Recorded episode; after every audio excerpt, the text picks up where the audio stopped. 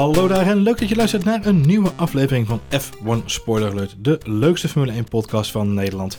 En we zijn er vandaag weer met een gloednieuwe update. Dat betekent het laatste nieuws vanaf eh, rondom en eh, eh, rondom de paddock wou ik zeggen en rondom alle sociale media. Ik ben hier natuurlijk niet in mijn eentje. Ik zit hier weer in de studio samen met Marjolein. Hallo. Hallo Marjolein. Heb je er al een beetje zin in Marjolein, het raceweekend? We gaan natuurlijk zo voorbeschouwen, maar ik ben even benieuwd. eh, kriebelt het al een beetje? Ja, we gaan weer naar het achtbaantje van Portimao. Het achtbaantje van Portimao inderdaad. Nou, dat, dat gaan we zo nog even over hebben inderdaad. Voordat we daarheen heen gaan, eh, eh, update van onze kalender dames en heren. Pakt u even de agenda erbij. Ik eh, geef u even een momentje. Pak de zakagenda. Pakt u even een pennetje. Eh, misschien even wat typex als u het nodig heeft. Want we hebben een aanpassing in de kalender. Yes. We hebben het bijna niet kunnen missen eigenlijk deze week. Hè? Hij zat er al een beetje aan te komen. De Grand Prix van Canada op 13 juni eh, aanstaande eh, is komen te vervallen. Maar gelukkig stond er al een, eh, een invaller stand-by. Ze hadden dus de, de wissel al klaarstaan. Turkije is weer terug in de kalender. En mag ik toch hopen dat ze het asfalt eh, dit jaar iets beter op orde hebben dan vorig jaar. Ja, mag ik ook hopen inderdaad. Zeg. Het zou eh, toch jammer zijn als het weer zo'n eh, zo'n glijbaan Ja, is. of niet hè, of niet. Het was natuurlijk wel een Het was wel een amusante race, kan ik me opmerkelijke Ik wedstrijd. wil het Laten we zeggen. Mercedes pakte daar vorig jaar natuurlijk de constructeurstitel. Dat gaat ze dit jaar denk ik niet lukken. Dat zou heel knap zijn als ze dat lukt. Ja, ik moet eerlijk zeggen, ik vind het wel jammer hoor dat Canada niet doorgaat. Het is heel begrijpelijk natuurlijk. Hè. Je kunt nu niet die kant op. Het is eigenlijk allemaal nog net te vroeg. Laten we hopen dat we eh, deze zomervakantie gewoon allemaal lekker gevaccineerd zijn. En dat dat over de hele wereld het, eh, het geval is. Dan Ja. kunnen we weer vooruitkijken. Maar ja, juni is net zo'n momentje dat het allemaal nog eh, ja, te, te vroeg komt het, is vroeg, eigenlijk. het is vroeg om de, om de plas over te steken. Canada heeft hele strikte regels eh, eh, rondom de COVID-maatregelen. Het invliegverbod staat nog eh, vrij accuraat. Er waren al eerdere races die werden geannuleerd natuurlijk daar in, in Canada eh, op weg richting die eh, Grand Prix. Volgens mij in juli waren er al eh, race-evenementen die werden afgelast vanwege de corona-maatregelen die het land heeft genomen. Dus ja, dit is geen, eh, ge- geen grote verrassing. Eh, tegelijkertijd, terwijl dit nieuws eh, natuurlijk aan het begin van deze week eh, doorkwam, eh, werd vandaag bekend, eh, we spreken donderdagochtend, eh, werd bekend dat eh, in Amerika vrolijk gestart is met de verkoop van de kaartjes voor de Grand Prix van Austin. Kijk, Dus dat is wel weer in de... dat is dan wel weer goed nieuws. Heeft Joe weer goed geregeld, Joe Biden. Joe, ja, Joe Dus is op eh, stoom. we, we gaan, Joe's on steam, on Joe on a roll. 100 dagen al, hè? Ja, gaat lekker hè. Hij had vandaag zijn eerste sessie toch? Voor, Ja, eh, ja, ja, precies. dat was vannacht. Welkom bij Politieke Updates. Ja. Ik wou net zeggen. Bedankt voor deze toelichting. Nou ja, als we White dan wel even een, eh, een sportgerelateerde... De mensen die vaker luisteren, die weten dat ik eh, graag ook het, eh, het voetbal zo nu en dan aanhaal. Maar eh, jij zei eh, 13 juni en ik zei gelijk eh, Nederland-Oekraïne. Oekraïne, ja. Dat is namelijk op dezelfde dag. En eh, voor de sportliefhebbers, eh, net als ik zelf, eh, met een beetje mazzel, is dat dan niet tegelijkertijd. Want Nederland zelf al speelt die avond pas om 9 uur. Kijk, dat is goed nieuws. Dat is het andere voordeel van... Johan Cruijff Arena. dat is het andere voordeel van dat ze dus niet in Canada racen. Want dat is volgens mij meestal wel een avondwedstrijd, heb Dus gezegd. pak die barbecue er vast bij. Nodig die gevaccineerde familieleden uit. Ik zou zeggen, En ga, bereid je voor op een feestje. ga niet op hete kolen Is het zitten. niet ook vaderdag dan? Vast wel, vast wel. Dat zou ook nog kunnen. Dat soort dingen Dat heb is ik dan me- allemaal niet... eh, nou, dat ga ik even op. Sorry, ik heb mijn inhaakagenda even niet bij de hand. eh. Eh, de inhaakkalender eh, staat in mijn andere tabblaadje. Het is, eh, nee, ik zou zeggen, ga niet op hete kolen zitten, maar leg er een lekker wasje bovenop inderdaad. Gezellig. Wel een goed idee voor jou. Ik heb gelijk zin om... eh nou, het is nu vandaag het weer er niet voor, maar ik zou gelijk... Nee, eh, de vaderdag is een weekje later. Oh. Dus het is eh, voor de ma- mannen in Nederland twee keer feest. Eerst feest. 13 juni, Grand Prix van Turkije en, eh, en, en het Nederlands elftal. Ja. En 20 juni word je nog een keer in de watten gelegd. Hartstikke idee. Nou, als dat even geen feestweek Fijn hè? Dat is echt niet. handig om deze podcast te luisteren. Moeten we rond deze tijd nog een update komen, denk je, voor Vaderdag? Of eh, denk je dat we het hierbij kunnen laten voor nu? Nee, we gaan door. Ik zal een updateje inplannen voor Er is eh geen Grand Prix trouwens. Spoiler Dus, met eh, Papa update. Speciaal De, voor de volgende Grand Prix die is dan pas weer op 27 juni op Paul Ricard. Oh, Ik hoop niet op Paul zelf. Dat zou toch eh, zuur zijn voor me. Ja? op de parkeerplaats van Paul Ricard. Mhm. Hey, ehm, eh, over papa's gesproken. Eh Zac Brown was vandaag uh, groot in het nieuws. Hij heeft namelijk niet voor het eerst dit seizoen is hij weer eens in de virtuele pen geklommen op de website van McLaren. Heeft een column geschreven. En in die column schrijft hij zich eigenlijk best wel scherp, spreekt hij zich uit tegen samenwerkingen tussen de verschillende teams. Dat is natuurlijk iets wat we in deze podcast ook al vaker besproken hebben. Teams gaan steeds vaker samenwerken. Dus niet alleen technisch en, en qua design, als we even wink wink, eh Aston Martin, Mercedes. Uh, maar ook strategisch uh, uh, zijn natuurlijk een heleboel samenwerkingen gaande. Uh, niet alleen maar motors en andere zaken, maar gewoon op alle vlakken. en dat heeft vooral te maken met het stemgedrag van regelwijzigingen en andere zaken in, rond, in en rondom de sport. Um, Zack Brown heeft gezegd, in de huidige maatregelen is het zo dat de teams eigenlijk uh, uh, met een minderheidsbelang grote beslissingen kunnen tegenhouden. Wat is nou het verhaal? In de huidige setup van het F1 reglementensysteem uh, moet er een absolute meerderheid zijn van 28 van de 30 stemmen van alle stemgerelateerde mensen om een beslissing goed te laten keuren. En elk Formule 1 team heeft een stem.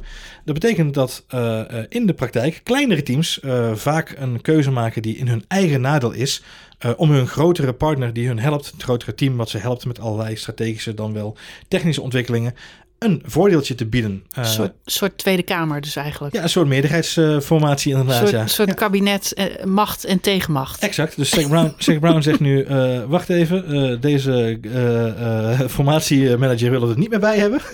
Zack Brown is een beetje de Sigrid Kaag onder de, de Formule 1 teams. Ja, hij zegt een beetje, hier scheiden onze circuit. Of moet ik zeggen de Geert Wilders. Hier scheidt eigenlijk onze, hier, hier ja. Het is allemaal heel verwarrend nu, hè, deze Ik vind het een hele rare metaforische Ik, ik moet nu... Ik, ik, uh, ik, verklaar deze metafoor voor gesloten. Ik wil uh, zeggen, ik, ik hef hem weer op. We gaan door. We gaan verder. Nee, um... maar nee, maar ik maak een grapje over. Maar het is natuurlijk wel een beetje... Hij zegt eigenlijk het, uh, hè, dat, dat, dat die kleine teams niet vrijelijk kunnen spreken. Omdat ze natuurlijk hè, groot afhankelijk zijn. Ja. En dat is eigenlijk niet in het belang van de democratie in de sport. Op dit moment zijn de stemmen openbaar. Dus alle teams weten van elkaar wat ze gestemd hebben. En Ja. hij zegt eigenlijk moeten we naar een geheim stemmingssysteem toe. Waarbij de teams ook gewoon zonder wordt. Uh, kunnen stemmen Ja. voor beslissingen Ja. in de sport. Hij zegt nu de regelwijzigingen die we hebben doorgevoerd zijn openlijke discussies die we voeren met elkaar en dat is goed. Op het moment dat er gestemd wordt is dat echter ook open. Nou, dat betekent dat je inderdaad in de praktijk de kleinere teams vaak, uh, omdat ze geen gezichtsverlies willen leiden naar hun grote partners of ze willen paaien, dan een keus maken die eigenlijk in hun nadeel is. En ik snap hem wel. En hij zegt terecht inderdaad, uh, de, de, de, de samenwerking tussen de teams, de bondjes die er ontstaan, om het maar even in wie is de mol termen te gooien, ja, die worden nu gewoon ongezond voor de sport. Uh, het is niet altijd in de beste uh, spirit van de competitie. En het is voor fans ook gewoon steeds minder makkelijk om grip te krijgen op wat er nou eigenlijk gebeurt. Ik ben dat wel met hem eens. Ik ben dan heel benieuwd hoe de rest van de paddock daarop reageert. Want ja, zoals we eigenlijk allemaal wel weten, is Formule 1 natuurlijk ook intrinsiek of, of uh, inherent verbonden met politieke spelletjes. Ja. het hoort er ook een beetje bij. Ook al is Bernie er niet meer bij, is dat nog steeds een onderdeel van de sport volgens mij. Nou, eind van deze week wordt er gelekt naar de pers. Maandagavond dan krijgen we inzicht in de notulen en dan weten we meer. Ja, en dan zijn er een paar mensen die niet tevreden waren over de kritische houding van Zack Brown. ja. Zo gaan die dingen mooi. Zo gaan die goed, dingen. Het is overal in de wereld hetzelfde eigenlijk. We gaan, uh, we gaan even door, want je hebt, uh, je hebt door. We hebben het tempo erin zitten vandaag. We hebben een soort sprintje naar, mm -hmm. naar het raceweekend, zullen we maar zeggen. Um, als we het hebben over eigenaardige teambazen, nou, dan mag Christian Horner misschien niet ontbreken. Een eigen gereid. Um, Zijn niet alle teambazen in de Formule 1... Een beetje eigen gereid. Ik wou ja. het zeggen. Beetje wel, hè? Ja. Ik zit te denken of er een, een persoon is waarvan ik zeg... Nou, Seidel is wel een persoon waarvan ik denk... Dat is wel een, een teamdenker. Dat is niet een, per se een hele koppige... Dat is iemand die de rust en de kalmte wel bewaart... en niet per definitie... Hij heeft misschien wel zijn eigen mening... maar hij is misschien niet eigenwijs. Uh, Seidel en... en uh, ik denk nieuwe... dat elke baas een beetje eigenwijs moet zijn... Om te komen... om tot succes te komen. Hmm. Ik denk dat eigenwijsheid een kwaliteit is van, uh, van de beste managers. Nou, ben ik wel, ben, kan ik niet met je oneens zijn. En, maar ze komen wel uit andere disciplines. Hè? Want uh, sommigen die hebben meer de technische achtergrond. Zoals uh, uh, Binotto natuurlijk en Seidel. En je hebt er ook die hebben juist meer de commerciële of de man management achtergrond. Zoals ja. Toto Wolf ja. of Christine Horner. Ja. Dus, maar ik denk dat ze allemaal wel gemene deler tikkeltje eigenwijs zijn. Ja. En om, uh, hun om, zin doordrijven. Om nu mezelf in een goed daglicht te stellen, zou ik eigenlijk eigenwijs willen zijn en tegen je in willen gaan. Maar dat kan ik eigenlijk niet, ben ik met je Helaas. Had ik mezelf kunnen profileren, gaat het toch mis. Maar een van de teambaas die je al noemde is Christian Horner. En die is natuurlijk heel erg druk met het opzetten van de Red Bull Powertrains. Of de HPP division moet ik zeggen. -hmm. De High Performance Powertrains. Uh, oftewel het Honda-project dat ze hebben overgenomen bij Red Bull. Mm -hmm. Ja, gaandeweg begint dat toch een beetje meer te worden dan dat we misschien van tevoren met z'n allen verwacht hadden. Want ja, de motoren werden overgenomen, de motoren werden bevroren. En Red Bull zou ze gaan doorontwikkelen. We hadden er allemaal een beetje nog een, hè, wat vraagtekens om, uh, rondom misschien. Was natuurlijk ook een beetje in nevelen gehuld. Zo langzaam maar zeker wordt natuurlijk wel duidelijk dat de intenties uh, duidelijk uh, zijn. Ze hebben uh, Mercedes-medewerker Ben Hodgson overgenomen. die gaat binnenkort even een jaartje met, met verlof. Die mag natuurlijk geen geheimpjes meenemen van Mercedes, lijkt me logisch. Maar die gaat wel aan de slag met de nieuwe Powertrain Division van, van Red Bull. Dus die gaat mee de motoren ontwikkelen. Uh, zou je denken? Na, dat jaar? Of, ja, ja, ja, ja vanaf 2022 gaat hij aan de slag. Want het verhaal is natuurlijk nu voor de meeste mensen... Hè, is het uh, misschien nog een beetje onduidelijk hoe nu de vork in de steel zit. Maar uh, Honda heeft in principe aangegeven dat ze per 2022 uit de sport stappen. Betekent dat ze dit jaar nog de motor mee doorontwikkelen. Ze zijn nu ook gewoon nog hè, op de vleugel te zien van, van zowel de Alfa Tauri als van de Red Bulls. Maar vanaf 2022 stappen zij in principe uit de Formule 1. Uh, en gaat het project over naar Red Bull. -huh. nou, uh, hebben we natuurlijk allemaal een beetje gedacht van ja, maar dat kan natuurlijk niet zomaar gaan. En waar blijft Honda dan met hun verantwoordelijkheid? Maar stiekem horen we nu deze week, blijft Honda toch een beetje betrokken bij het project. zij het op de achtergrond, want een van de grotere veranderingen die volgend jaar gaat plaatsvinden is de introductie van een nieuwe benzinesoort. -hmm. En daar is Honda nog wel bij betrokken. Hm. Dus terwijl Red Bull druk bezig is met het inrichten van hun eigen motordivisie, zijn ze op de achtergrond ook gewoon nog lekker aan het sparren met het team van Honda om te zorgen dat die motor ook perfect functioneert op de nieuwe benzine. Nou, dat is natuurlijk wel goed nieuws, want we weten allemaal nog die situatie destijds met Renault. Het contract was opgezegd ja. en uh, Renault kon geen schroefjes, boutjes, moertjes, alle onderdelen voor, uh, voor de motor van dat moment waren ineens niet meer leverbaar. Niet meer leverbaar, Marjolein. Nee. Er werd niet doorontwikkeld. ja, ja, maar dat zorgde wel voor een enorme dip aan het eind van dat seizoen. Ja in de, in de, in de performance en de prestaties. Dus uh, dat is heel lullig gegaan. Ik zag, ik zag in de Italiaanse sportkranten, dat, uh, die vertaal ik dan, hè, niet zo dat mijn Italiaans zo vloeibaar is. Ik vertaal dan de Italiaanse sportkranten, maar de Italiaanse sportkrant Jos Verstappen had een quote afgegeven dat hij... Uh, in het Italiaans? In het Italiaans, waarschijnlijk wel, Jos kennende. Uh, dat ze inderdaad super tevreden, dat hij het een super move vond van Red Bull, dat, dat ze dus Ben Hodgkin hadden overgenomen van Mercedes, dat het echt een power move was. Mm en, en dat ben ik ook wel met hem eens. Uh, het, is een, een, het, geeft, het onderstreept de ambitie van Red Bull in dit project. Uh, ik vind het meer dan ik verwacht had van tevoren, laat ik het zo zeggen. En ik denk dat dat ook een signaal is dat ze willen afgeven naar, niet zozeer Jos, maar wel Max Verstappen ook. Dat ze natuurlijk wel echt serieus van plan zijn om vanaf 2022, maar vooral 2025, hè, want dat is natuurlijk het moment dat we de nieuwe regulaties weer een nieuwe, echt een nieuwe regelgeving ingaan. Ja, dat ze om de prijzen gaan meespelen en blijven meespelen. Ik denk dat dat een heel belangrijk signaal is. Ze willen echt blijven meespelen en dan met een eigen motor in plaats van afhankelijk van leverancier. Ik denk ja, dat dat eigenlijk het statement is wat ze wilden maken. Mm -hmm. En in dat kader bezien ben ik wel verrast positief. Zeker, absoluut. Ben benieuwd. Nu maar hopen dat ze het ook door kunnen zetten natuurlijk. Want dit ik zou het zeggen, tot op ja. heden mogen we niet klagen, toch? Kijk, het is natuurlijk voor Adrian Newey wel een, een nieuwe uitdaging. Daar was hij misschien ook wel aan toe. Het is een uh, Newey van Newey. Een Newey van Newey. Nee, ja. maar er is wel uh, nu een, een, ja, een interessant stukje bijgekomen. Want blijkbaar hebben ze daar toch genoeg vertrouwen in. Uh, en in het verleden was dat een beetje steggelen. Zij wilden bepaalde aanpassingen op de motor. Die konden dan niet. Red Bull is natuurlijk geen fabrieksteam. Anderen zijn dat wel. Uh, dus ja, door dit zo over te nemen, in te kapselen. Ik denk ook dat het eerlijk gezegd de beste oplossing is. En het is heel goed dat ze die Mercedes-man erbij halen om, uh, om ze daarbij te helpen. Die heeft er natuurlijk kijk op. Ja, nee, absoluut. En in Milton Keynes zijn ze begonnen met het uh, bouwen van een compleet nieuwe state-of-the-art factory. Er wordt een mm. hele nieuwe fabriek uit de grond gestampt. En Christian Horner is ervan overtuigd dat dat gaat bijdragen aan het succes voor de komende jaren. Ah, ik ben heel benieuwd. Ik, ik hoop, ik denk, uh, nou goed, het is een beetje cliché om elke keer te zeggen dat het een spannend Formule 1 seizoen belooft te worden. Wat denk je dat echt, Marjolein? Denk je dat nou? nou ja, uh, um, ja, het, het is een cliché, maar aan de ene kant is het uh, in die zin echt waar dat uh, Red Bull staat er echt ontzettend goed voor. En mm -hmm. wij weten allemaal dat Max een verbazingwekkend, duizelingwekkend goede coureur is. Echter, uh, in de strijd tegen Lewis Hamilton, Toto Wolff en Mercedes moet je echt van goede huizen komen. Met andere mm -hmm. woorden, dit is niet alleen een gevecht tussen Max Verstappen en Lewis Hamilton op mm -hmm. het circuit.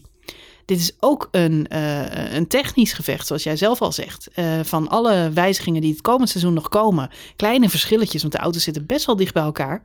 Uh, die nog verschil gaan maken. En ook tactisch gaat dat ook alle verschil maken. Dus wat mij betreft is het echt een dubbeltje wat, wat op kant staat.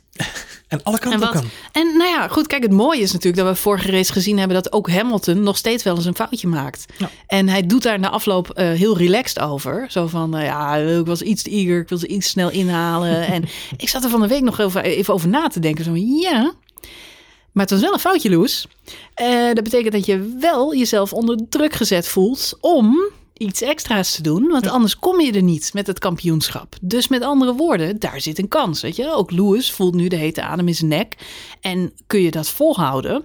Eh, dan zal hij misschien vaker dit soort foutjes maken. Het komt niet vaak voor, maar blijkbaar is ook hij Ehm, Hij ja, is er nog steeds. onbreekbaar Hij is niet onfeilbaar, nee. Nee, nee. Dus, eh, dus, dus dat biedt potentie. Echter, ja, het, het zal ook heel erg op het team eh, neerkomen. Maken ze de juiste pitstop beslissingen, s- eh, banden en inderdaad het technische verschil tussen de auto's. Ja. Dat gaat komend seizoen. Ik denk degene die uiteindelijk de constructeurstitel wint dit jaar.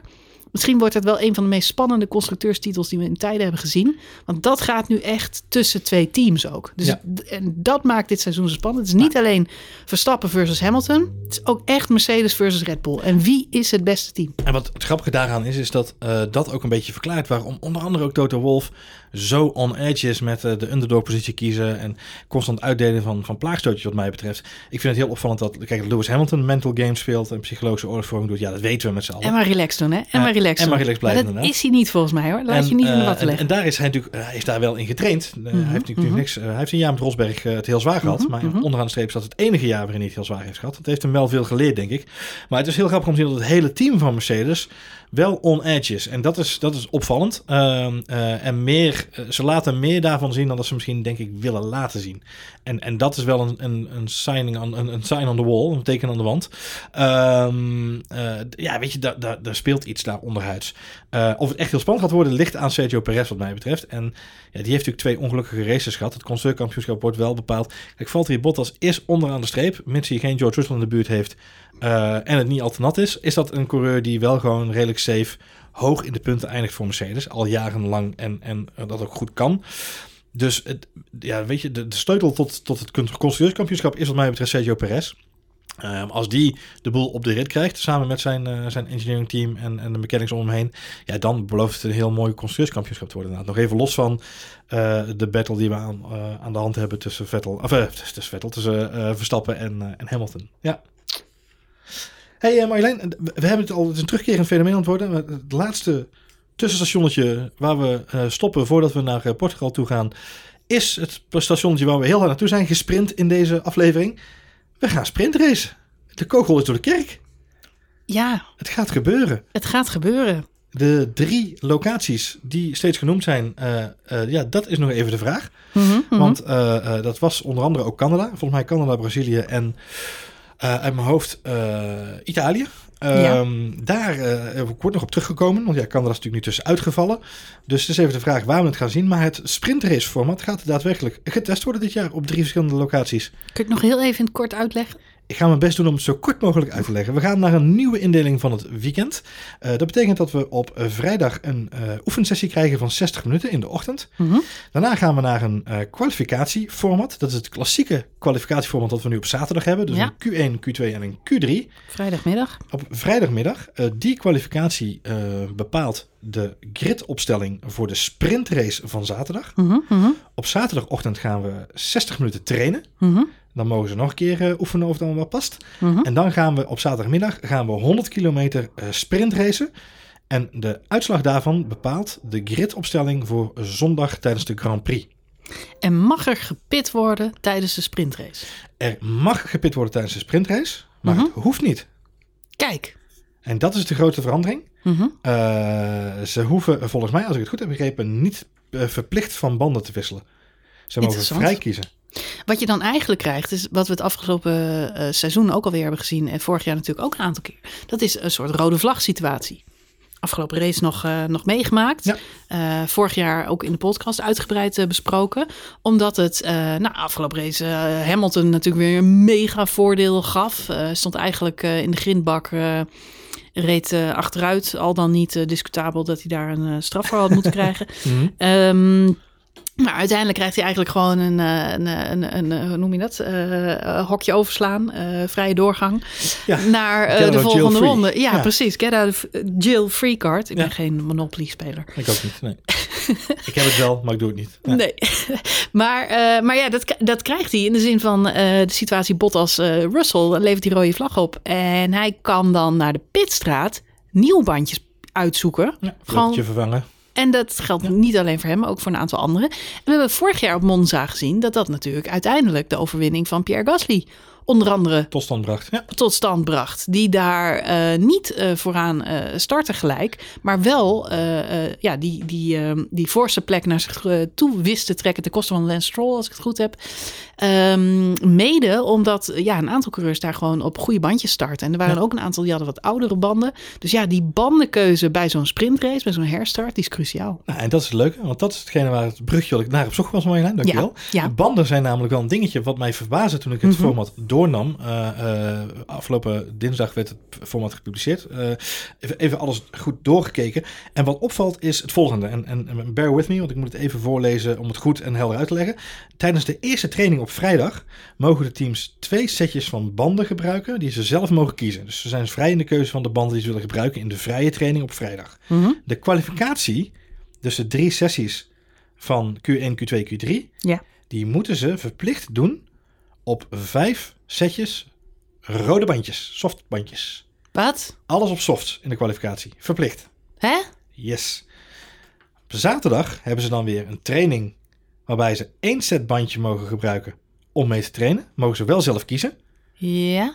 En dan de 100 kilometer sprint qualifying in de afternoon, in de middag, is met twee setjes banden beschikbaar, maar ze mogen kiezen waar, waar ze mee willen beginnen. En mogen ze zelf de kleur kiezen? Ja, mogen ze zelf kiezen welk setje ze willen beginnen. Twee verschillende soorten banden. En dan uiteindelijk op zondag, en hier is waar het de plot thickens, hebben ze nog twee setjes met banden over en die mogen ze gebruiken in de race. Jongen, jongen, jongen. Dus dit is niet, hè, voor ons als fans is dit al even schakelen als het gaat om nieuw format, nieuwe manier van werken. Maar strategisch zit hier nog een dimensie boven en dat is de bandenstrategie. Want onderaan de streep, eh, als je alle bandensetjes bij elkaar optelt, eh, de teams kiezen natuurlijk zelf hun allocatie van hun, hè, hoe ze die setjes opdelen. Ze zullen dus ook heel goed moeten nadenken, welke bandjes nemen we mee? Eh, en hoe verdelen we dat over het weekend? Want uiteindelijk op zondag heb je nog maar twee setjes over. Jongen, jongen. Dus je hebt of, of softs en mediums, of softs en hards, of, of medium en hards, of, of helemaal niks meer. Dat kan ook. Nee, maar het is eh, wel een strategische laag bovenop, eh, bovenop een toch al ingewikkeld format, als ik het zo voorlees. Ja, zeg dat wel. En eh, hoe zit het dan met... eh, je moet op rood kwalificeren op vrijdag. Ja. Verplicht. Moet je dan ook op rood starten? Nee, ze mogen vrij kiezen welke startband ze starten. Staat hier. Nou, dat maakt de race op zondag ook weer interessanter. Want geen verplichte... Correct. Ja. Maar dat zijn dan maar twee setjes. Dus de keuze uit één of twee. Twee smaakjes. Waar zou je Ja, kiezen? in veel opzichten... Het voelt een beetje als een, eh, als een field lab experiment. als, een, als een testcase voor... eh, ja, welkom bij Field Lab 1 in plaats van Formula 1. Ja. Nou ja, het voelt, het voelt als een testcase van wat doet dat nou als we die banden allemaal in de hussel gooien. Wij hebben het in deze podcast, we hebben het vaak over bandenstrategie, omdat dat, eh, nou, eh, de vo- voorbeelden zijn legio. We hebben Max Verstappen op, eh, op Oostenrijk zien winnen in, eh, in 2019 ten koste van Charles Leclerc. Ja. Waarom? Niet omdat Charles Leclerc, het zat op dat moment nog in een mega snelle Ferrari, maar hij had gewoon oude bandjes. Klopt. Dus hij liep gewoon een seconde, anderhalf seconde, volgens mij meer zelfs, kwijt op Max Verstappen. Dat is geen spannend gevecht, omdat je weet dat de een op veel slechtere banden rijdt dan de ander. Ja. Dus bandenstrategie is de afgelopen jaren eh, wat Formule 1 voor een heel groot deel spannend maakt. En als je de sprintraces dan zo, en ook de race zelf en de kwalificatie, als je het zo vertelt, dan ben ik toch inderdaad wel benieuwd wat er uit het Field Lab eh naar Nou, boven dat is komt. mijn mening dus ook. Ik, ik, ik heb eh, me de afgelopen dagen eh, verbaasd over de reacties. Nee, ook weer niet verbaasd. Maar je weet natuurlijk altijd dat dit is een, een heel Ja, maar ik, ik, ben nog steeds, ja, ik ben nog steeds van mening dat het Formule 1 is een sport en geen, geen circus. Het is, ja, het is ook een circus, maar het moet wel. Je moet niet, niet allemaal gaan lopen kunstelen en, en trucjes lopen doen, waardoor hè, de grid omdraaien, al dat soort dingen. Je hebt hier met professionals te maken. Het is een beetje alsof je voetballers vraagt om, uh, om de wedstrijd op naaldhakken te spelen. Ik bedoel, we kunnen het allemaal wel moeilijk en lastig gaan maken. Ik vind, ik vind maar... Kijk, jij, jij weet van mij, uh, en, en misschien een aantal mensen die luisteren ook. Ik heb vroeger een sport gedaan, dat is volleybal. -hmm. En toen ik ooit leerde volleyballen, mm -hmm. speelde je drie setjes en dan had je een. Uh, uh, tegenwoordig spelen we allemaal in het rally point systeem. dus elke bal op de grond of elke bal uit is een punt. Mm -hmm. Vroeger was dat niet zo. Dan had je het side-out systeem. Dan moest je eerst de service hebben. Dus moet je Mhm, eerst een punt mhm. scoren om de service te krijgen. Dat kan me herinneren van de gymles. Ja, van die irritante gymlessen die je vroeger had. Waar Ja. iedereen volleyballen Waar verschrikkelijk vindt. iedereen moest volleyballen, ja. Ja, Verschrikkelijk. Gelukkig had ik vrijstellingen voor gym. Ehm, dus had ik daar geen last van. Maar eh, Was jij er zo een? ja, zo Was jij er zo een? Briefje halen bij de leraar. Ehm, wat het verhaal eh, is, is eh, er is een beslissing genomen ooit om het volleybal om te gooien. En je speelde drie sets. En als je pech had, speelde je vijf sets. Want dan moest je 2-2, vijfde set spelen. Mensen die volleybal kennen, of tennis, of badminton, die weten hoe het werkt. Mhm. Op een gegeven moment is gekozen, we gaan naar een rally point systeem. Dus elke bal op de grond of uit of fout is een punt. Punt. Mhm, mhm. Punt, punt. En eh, we gaan vier sets spelen. Vast. Maakt niet uit hoe we het doen. We gaan vier sets spelen. Waarom? Die laatste set, die vierde set, kan de tegenstander ook nog een punt opleveren. Dus dan sta je 3-0 voor. Moet je wel blijven spelen. Krijg je een bonuspunt. Anders heb je pech. Ben je punt kwijt. Het is allemaal gedaan om de sport spannender te maken. In, op, op internationaal niveau hebben ze, ze ook gaan klooien met time-outs toevoegen. Die automatisch worden gegeven naar zoveel punten. En kijk, ik ben geen voorstander van husselen met een sport om het husselen. Je moet het niet gaan doen. Maar ik heb wel zelf meegemaakt en ook van fans teruggehoord die bij ons naar de wedstrijden kwamen kijken. Die zeiden, de sport is wel fijner geworden om naar te kijken. Het is, het is attractiever geworden. Het is feller geworden, omdat alle, elk punt is, en je strijdt nu om elk punt.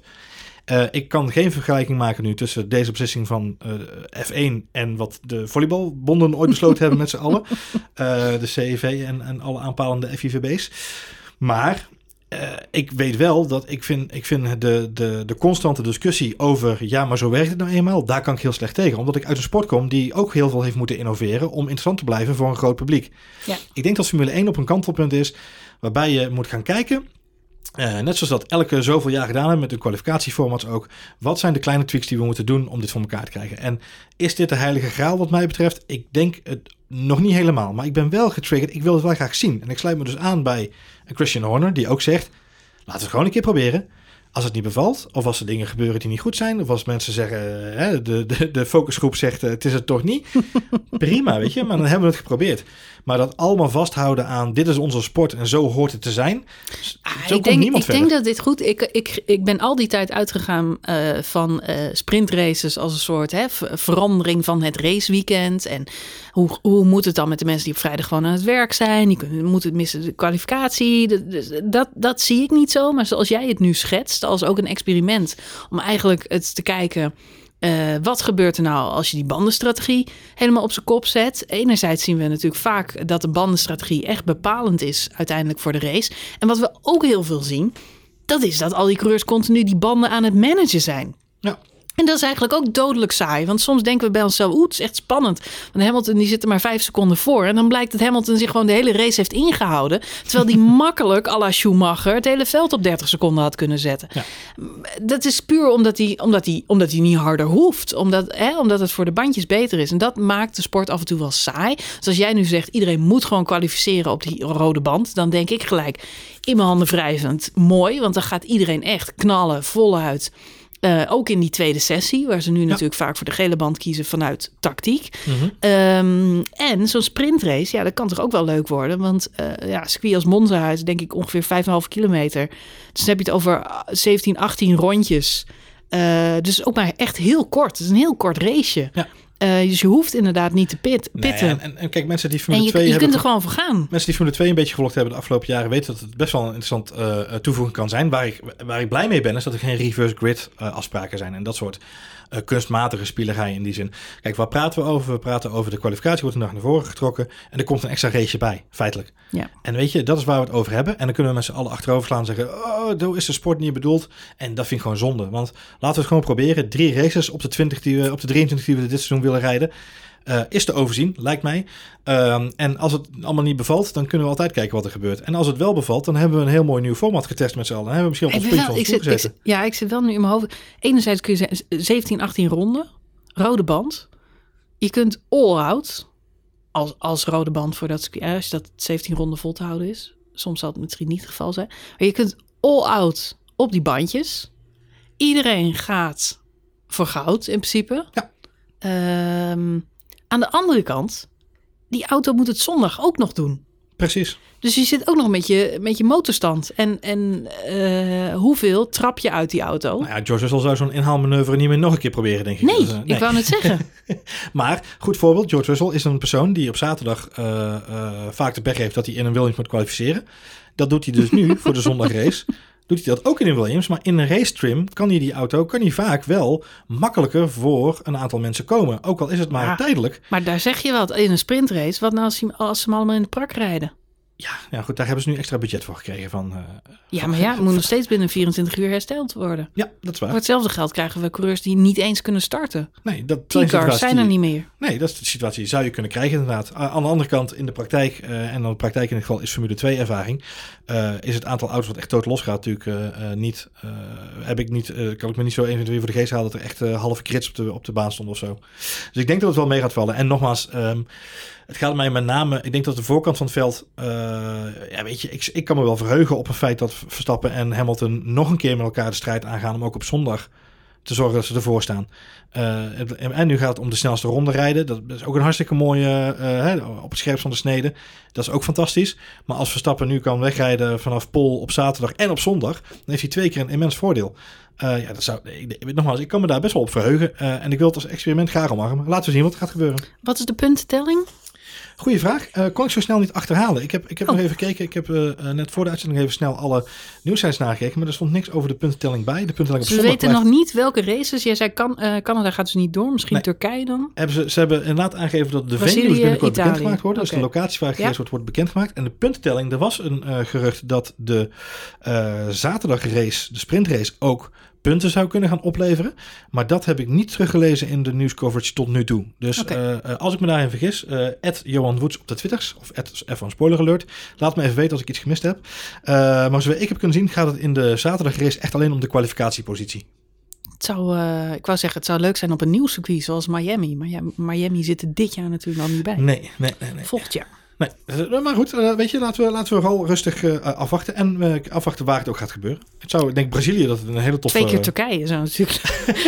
Twee keer glijden. Nou ja, ik, ik denk Brazilië Gewoon bijvoorbeeld lekker glijden in Ja, Turkije. Nogmaals, ik, ben, ik, ik vind Brazilië te gek. Ik zou dat echt... een sprintrace op Brazilië, dat zou, leeft volgens mij te gekke Dat zou wel top zijn. Dat leeft volgens En mij dat te Max twee keer wint. Komt goed. Of in Mexico, dat, dat Sergio mag dan de sprintrace winnen en dan Max de hoofdrace. ja, of we krijgen de ultieme straf en we krijgen twee keer Rusland. Gewoon, gewoon twee keer. Gadverdarrie zeg. Jezus. Goed. Goed, We waar gaan we door, niet gaan eh, sprinten, Marjolein, waar we niet gaan sprinten is dit weekend in Portugal. Ja. Eh, ik wilde heel even met je voorbeschouwen, nog even kort, voordat we Mhm, mhm. eh, richting de vrije trainingen gaan bewegen, zo'n beetje. Ehm, eh, eh, eh, de vorige keer dat wij een update deden, had ik het weer, eh, voor- weersvoorspellingen als de lokale Piet Paulus maar keurig voor ons uitgeprint in ons draaiboekje. Mhm. Heb ik nu weer gedaan. Heel goed, heel goed. Eh, ook toen stond er eh, eh, nauwelijks kans op regen ja, op zondag. ja. Nou, we weten allemaal hoe dat verder afgelopen is. Mhm. Eh, het is nu weer vooral bewolkt, maar dan op vrijdag. En op vrijdag hebben we kans op regen. De rest van het weekend, zowel op zaterdag als op zondag, is het zonnig. Eh, Zo'n 21 graden en 0% kans op regen. Dus de boys kunnen in hun korte broek naar het circuit. Daarna wel even in de overalletjes natuurlijk, als ze gaan racen. Maar het wordt een, eh, een mooi en zonnig weekend. En ik ben benieuwd Marjolein, wat, eh, wat verwacht je van dit weekend? Gaan we, we gaan natuurlijk naar Hamilton Verstappen ronde 3. En eh, ja, ik, ik zit te wachten. En misschien jij ook wel. Is, is Kimi? Punten? Alfa? Kimi, punt, Kimi had punten. Ja, Kimi's punten zijn afgepakt. Een of andere gek. Bij de FIA. Ja, lauwe tabbet. Ja. Nou, ik ben nog steeds boos over. Wat, ja, goed. Ehm, eh, wat verwacht ik ervan? Ja, eh, we gaan door met eh, Ferrari. sorry, Ferrari. Met, Nee, nee, met Ferrari ben ik wel eens. Ferrari. nee, met, met, met Verstappen en, en Hamilton natuurlijk strijdend om het podium. Ik denk wel dat ja, Max, als hij het goed doet, hij kan gewoon weer boven komen drijven. Ik denk dat ze wel de betere auto hebben op dit moment. Eh, dus ik hoop dat ze daarop doorpakken. Ja. Ik zou het wel leuk vinden als Sergio Perez er ook een keer eh, bij aansluit eh, dit weekend. Ja. Het is nu wel het moment. Ik snap dat het even wennen is, zo'n nieuwe auto. Hadden we het vorige race over dat, hè, dat de, alle coureurs die, die verhuisd zijn nog even moeten wennen. Ricciardo is natuurlijk nooit een sterke regen race rijder. Carlos Sainz zit nog een beetje achter Leclerc op dit moment. Ja. Vettel nog niet echt veel kunnen laten zien. Bottas, Is elk jaar nieuw, wou je zeggen. ik wou het zeggen. Bottas 3.0, 4.0, 5.0. Dus elk jaar weer een nieuwe Bottas. Is niet echt nieuw, maar Is toch wel een vorm beetje. ook nog niet gevonden? Nee. Nou, het is, het is Eh, grappig als jij zegt Ricciardo en, ehm, en Mhm. Toevallig ook de twee coureurs die deze week wel in het nieuws waren. Ricciardo heeft ook laten weten dat hij niet verbaasd is over het feit dat eh Norris op dit moment de betere is. Hmm, zou ik Ehm, ook zeggen. Ja, ja, logisch als je eh, een order krijgt om aan de kant te gaan en op 19 seconden gereden wordt. Ehm, maar hij, hij zegt ook wel, ik moet gewoon, ik heb, ik heb het niet onderschat waar ik instap bij McLaren. Maar hij heeft wel aan toegevoegd dat hij er alle hoop op heeft dat hij gewoon wereldkampioen kan worden bij McLaren. Dus dat is in ieder geval een, eh, nee, als je het hebt over big eh, audacious goals, dan eh, is het een, eh, een, big hairy one, kunnen we wel zeggen. Eh, hij heeft gewoon uitgesproken in de pers, ik, eh, ik heb er alle vertrouwen in dat ik wereldkampioen kan worden bij McLaren. Heeft er niet bij gezegd welk jaar. En of dan Hamilton en Verstappen Wie? Ricciardo? Ricciardo, ja. Ja, ja. Oké. Ik was net, Interesting. net voor of net na een, een shot gin tonic. Ik weet het ook niet, maar... Nee, ik zeg, hij heeft er niet bij gezegd of Hamilton al met pensioen is en Verstappen ook. Maar eh, Ik wou zeggen, maar er is nog niet één teamgenoot die op dit moment... één verplaatste teamgenoot, nieuwe teamgenoot... die beter presteert dan de man die er al zat. Nee. Ook Alonso eh finishte achter Ocon klopt. Ja, afgelopen race. klopt. Ja. Jammer. Eh, wa- wat je natuurlijk soms wel eens ziet, dat is dat er een nieuwe coureur binnenkomt. Frisse wind. Eh, ja, die Ja. toch meteen eh mooie prestaties. Yuki Tsunoda natuurlijk ook niet ten opzichte van... eh, nee, maar die laat wel goede dingen zien alvast. Dat is fijn. Zeker, dat is, en dat is zeker, geldt maar- voor Carlos Sainz. Die is overigens niet- in, in de data heeft laten zien, Carlos Sainz, dat Ja. hij wel net zo snel kan zijn als eh, eh, Charles Leclerc. Alleen hij heeft op bepaalde momenten wat pech of wat kleine foutjes gemaakt, waardoor hij er net niet bij zit. Maar volgens eh, de, de datatrackers van Ferrari zit hij eigenlijk op hetzelfde niveau als Leclerc op dit moment. En dat verbaast me dan ook weer niet, want is Het geeft toch wel weer aan, even met terugwerkend kracht, hoe knap het was vorig jaar van George Russell. Die dus ook voor het eerst plaatsnam in een nieuwe auto. In Ja. een Mercedes notabene. Eh Valtteri Bottas eh, naar huis reed. Eh, ja, wil ik toch nog even gezegd hebben. Deed hij afgelopen weekend weer. Ja. Ja, letterlijk, ja. Naar het ziekenhuis in dit geval. Ja. Nee, maar ja, goed. eh, je, Meestal zie ja, ik wil niet kritisch zijn hoor op de verhuisde namen. Maar ja, vaak zie je toch ook wel dat iemand binnenkomt en meteen, eh, nou, Charles Leclerc hebben we het ook gezien hè, bij Vettel. Wel meteen eh challengen en, en hallo, hier ben ik. Ja. En eh Is, is wel zo misschien dat dat voor... ehm stappen op Ricciardo bij ja, Red Bull. Nee, eens. Eh, eh, Ricciardo op Vettel inderdaad, eh, toen hij daar eh, vers binnenkwam. Ik denk, ik denk ook heus wel dat dat eh, zo is. En ik denk wel dat het ook iets zegt over de complexiteit van de... eh, nee, nee, nee, nee, nee, nee, nee, nee, nee. Niet ah, goed praten. Nee, nee, nee. Oké. Russell in een Mercedes beter dan Bottas in zijn eerste weekend. Max Verstappen beter dan iedereen in een Red Bull.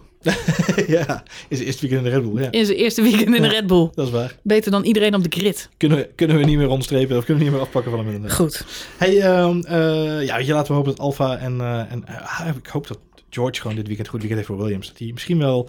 Ja, maar George moet ook een beetje zijn PR-punten pakken. Een beetje zichzelf in de kijker spelen. Ik snap, ik snap George wel. Je kunt niet drie jaar lang je bek houden en daarbij Williams wegzeppen. een beetje in de luwte zitten. Nee, het is gewoon, eh, je krijgt geen aandacht daar. En, eh, en dat is doodzonde, want we hebben vorig jaar gezien wat hij kan. En die gast heeft gewoon honger. Die, die, snakt gewoon naar meer. En ik, Ja. ik begrijp hem wel, om heel eerlijk te zijn. Ja. Dus ik hoop echt, echt heel erg dat Toto Wolff gewoon eh, eigenlijk al halverwege dit seizoen die koch maakt. En gewoon zegt, volgend jaar gaan we het anders doen. Ben. Russell erbij. Ik, ik- Of als ze hem niet pakken, dan hoop ik dat hij naar Red Bull komt. ja, in plaats van Perez. Ja. Ja. Zou die verkeerd zijn? Ja. Nou ja, het zou wel heel verkeerd zijn, want ik denk dat je dan een eh, epische titelstrijd krijgt tussen Max Verstappen en George Russell. Eh, wat ook weer niet misschien de bedoeling is. Nee, misschien is of liever gezegd, ja, ik, als fan zou ik het dan wel weer mooi vinden. Ja, ja, dat is ook wel weer zo. En eh, als de McLaren boys zich daar nog in willen mengen, dan wordt het helemaal een leuk kampioenschap.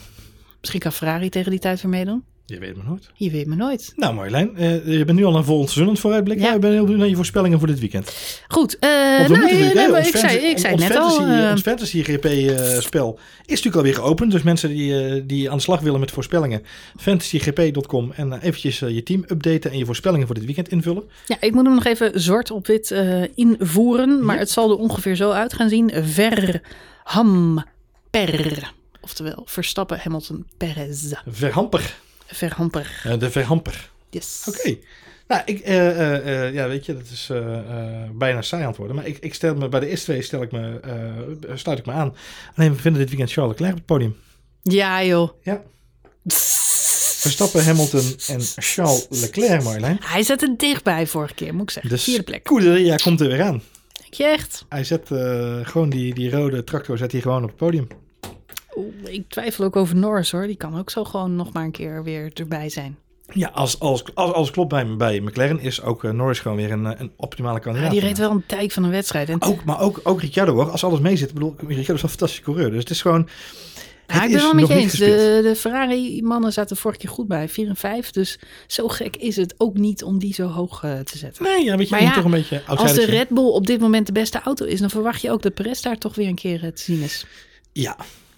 Zou je wel Zou wel moeten, hè? Ja, zou wel moeten. Maar ja, ja, hij heeft en Bottas wel, heb ik eigenlijk nooit eh, daarin hij heeft natuurlijk wel eh, de geest van Albon aan boord. Dus eh, Oh, je zegt dat de auto doomed is. Oh, dat, was voor de- dat was natuurlijk mijn opmerking toen hij over de boordradio zei... de auto stuurt uit zichzelf. Toen schamperde hij. Dat is de geest van Albon. ja, maar ja, dat is, ja ik, ik ben benieuwd. Eh, ehm, de tweede coureur bij Red Bull is niet... eh, het is een beetje hetzelfde als Max zijn eh, Italië-curse. Nou, die heeft hij opgeheven nu, zijn Italië-vloek. ja. Dus laten we hopen dat Perez ook eh, de tweede coureursvloek kan opheffen bij Red Bull. Nou, dan, dan gaan we aan de peut inderdaad. Maar dan nog verwacht ik, Charles Leclerc was erg strijdbaar op Imola. Dus nou, ik ben benieuwd. Perez Leclerc is een dubbeltje op zijn kant, om het maar even in jouw termen uit te drukken. We gaan het zien. We gaan het zien. Ja, dan gaan we nu voor nu even afsluiten Marjolein. En dan Mhm. gaan we op naar eh, Portugal. Portugal, vrije trainingen, kwalificatie en race. Lekker En dan hoor. zijn wij na de race natuurlijk weer heel snel bij jullie in de lucht met een race review. Heb je tot die tijd vragen, opmerkingen, frustraties of leuke gebbetjes? Kun je natuurlijk altijd met ons contact nemen via Twitter op F1 Spoileralert of op, Oh, Marjolein. of op eh, Johan Voets. Eh, of je kunt natuurlijk even aansluiten op onze uh, oergezellige Telegram chat. Zoek dan even in de chat app Telegram naar de F1 Spoiler Alert chat. Dan uh, kun je met onze medeluisteraars meebabbelen en leuke memes uitwisselen en wat al nog meer. Um, mocht je deze podcast luisteren in een appie waar je een reviewtje achter kan laten, duimpjes in de lucht, sterretjes aan de kant. Ik zou het allemaal te gek vinden, uh, zodat wij weer een hoop leuke nieuwe luisteraars mogen begroeten. Um, en voor nu, bedankt voor het luisteren en uh, we zijn heel snel weer bij elkaar. Veel plezier bij de race.